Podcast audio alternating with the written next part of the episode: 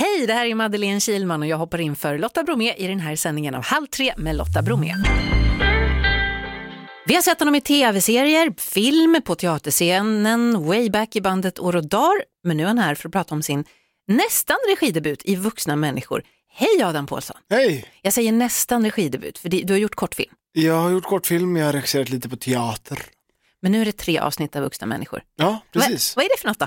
Det är en tv-serie för Simor som har premiär ikväll på TV4 och den första avsnittet är nog redan ute på Simor. Jag har sett lite, flimrat förbi på tvn, det har man inte kunnat missa. Nej, det är väldigt roligt alltså. Karla Sen spelar huvudrollen, hon är lysande. Hon har fått jättefin kritik också. Ja, Mm. ja, välförtjänt. Och Felix Herngren är konceptuerande regissör, som det heter. Och Måns och jag regisserar också, Måns Herngren. Mycket fina namn också.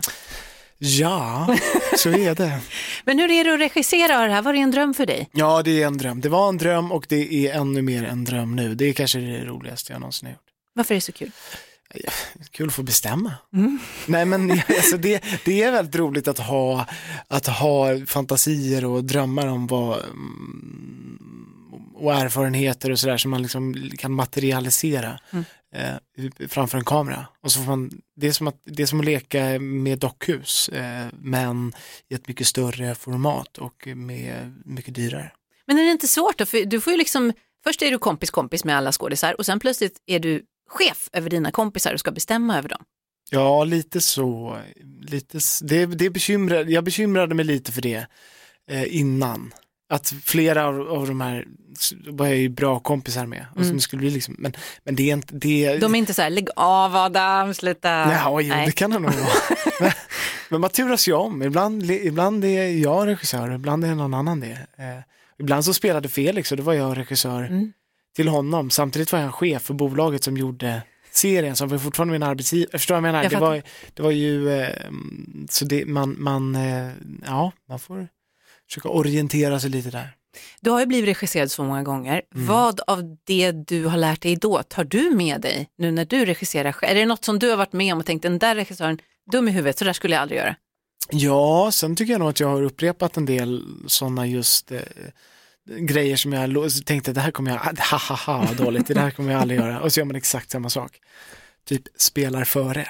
Det är sådär, det är en no-go-zon. Vad betyder det? Berätta. Ja, säg inte vad betyder det, berätta, utan säg så här, vad betyder det, berätta. Ah, Nej, inte a, utan mer ah, ah, ah, jag får ta en till fast ah. ah. Ja, bra. Där, där, gör så. Förstår du? Det är en dålig regi. Att man visar före, för då blir du jättestressad och, och tänker oj, ska jag försöka göra likadant som han gjorde nu? Mm. Jag skriver här på mitt CV, regisserad av Adam Pålsson. Ja, med, med bravur. Nej men du, vi måste prata lite om eh, att få ihop livet. Ja. Jag, jag hörde en intervju med dig när du, för du har ju två barn, Mm. jag har också barn. Eh, det är inte så lätt alla gånger. Jag hörde en intervju med dig när du berättade att ibland så säger du saker bara för att man ska säga så som förälder. ja, så är det ju. Eller, eller precis, det, jag vet ju inte riktigt alltid hur man ska vara som förälder. Det är jättesvårt. Man fattar ju inte. Och så Nej. plötsligt märker man att jag låter som mina föräldrar nu. Var kom det här ifrån? Ja, alltså mina föräldrar satte ju aldrig en gräns i hela mitt liv. Nå, Hur- Någonsin. Hur har det påverkat dig? Jag vet inte, jag vet inte, det gick ju ganska bra för mig ändå tycker jag, för det mesta.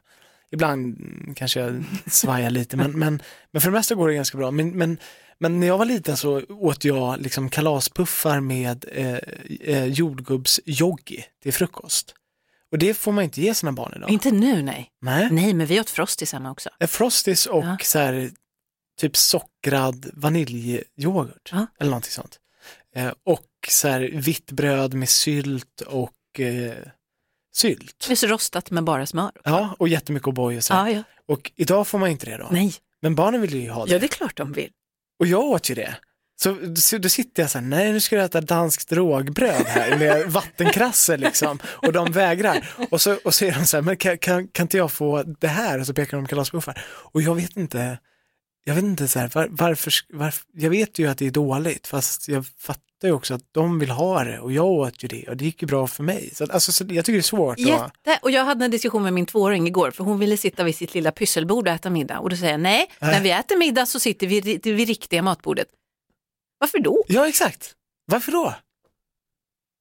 Vi kanske blir en ny typ av föräldrar. Det är jättetrevligt att sitta vid matbordet alla. Ja, men kanske någon gång kan man väl. Får, ja men mina barn äter ju framför tvn hela tiden. Ja, jag kommer hamna där också. Men det är ju för att de, då äter de. Mm. Om de sitter för, annars blir det ju, annars kanske de inte äter alls. Men om de, om de sitter och kollar på Anna och Elsa så, så här, åker liksom maten automatiskt in. Då kan man så här, föra in en gurkstav i munnen och de bara tuggar som en robot automatiskt. De tror att det är kalaspuffar. Ja, Ja. Eller, de tänker inte på det. De är inne i något annat. Ni är ju lite av ett skådisam, din fru är också skådespelare. Ja, Hur, blir det mycket prat om sånt hemma, om regissörer och... eh, ja men det blir det väl. Det blir det väl. Jag vet inte, jag har typ aldrig varit ihop med någon annat än skådespelare. Så jag vet inte hur man, jag vet inte hur det skulle vara om man var ihop med en revisor. Då antar jag att då skulle man väl prata lite revision. Många kronor har du på ditt konto. Nej men lite Ja. sådär, man skulle inte dela med sig av. Och Li är också pluggat till syrra, så nu jobbar hon häromdagen på någon, på någon eh, eh, privatklinik någon dag.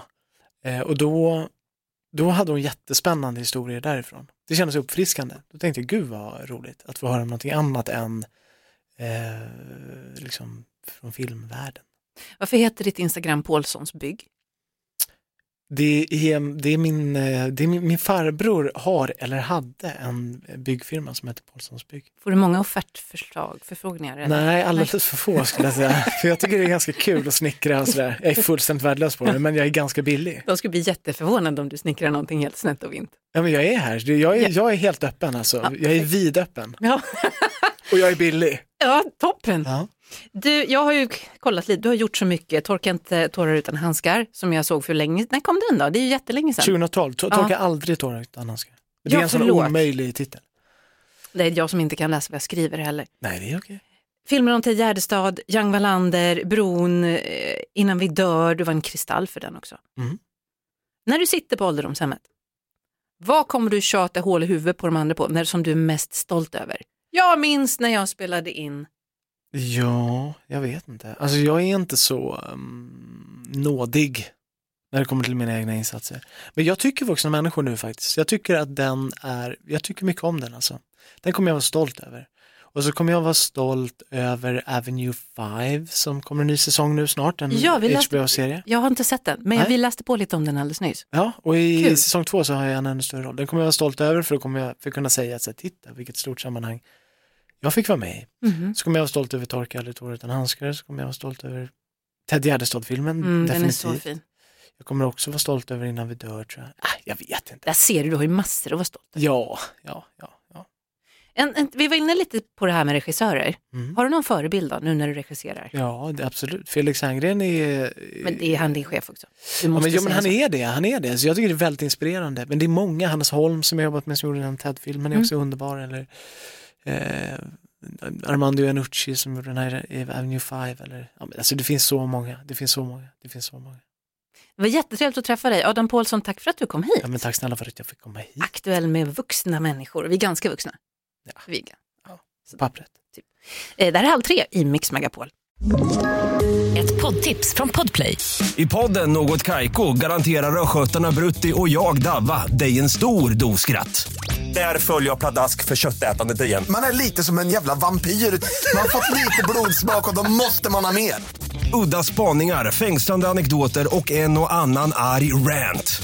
Jag måste ha mitt kaffe på morgonen för annars är jag ingen trevlig människa. Då är du ingen trevlig människa, punkt. Något Kaiko, hör du på Podplay. Därför är gardinerna.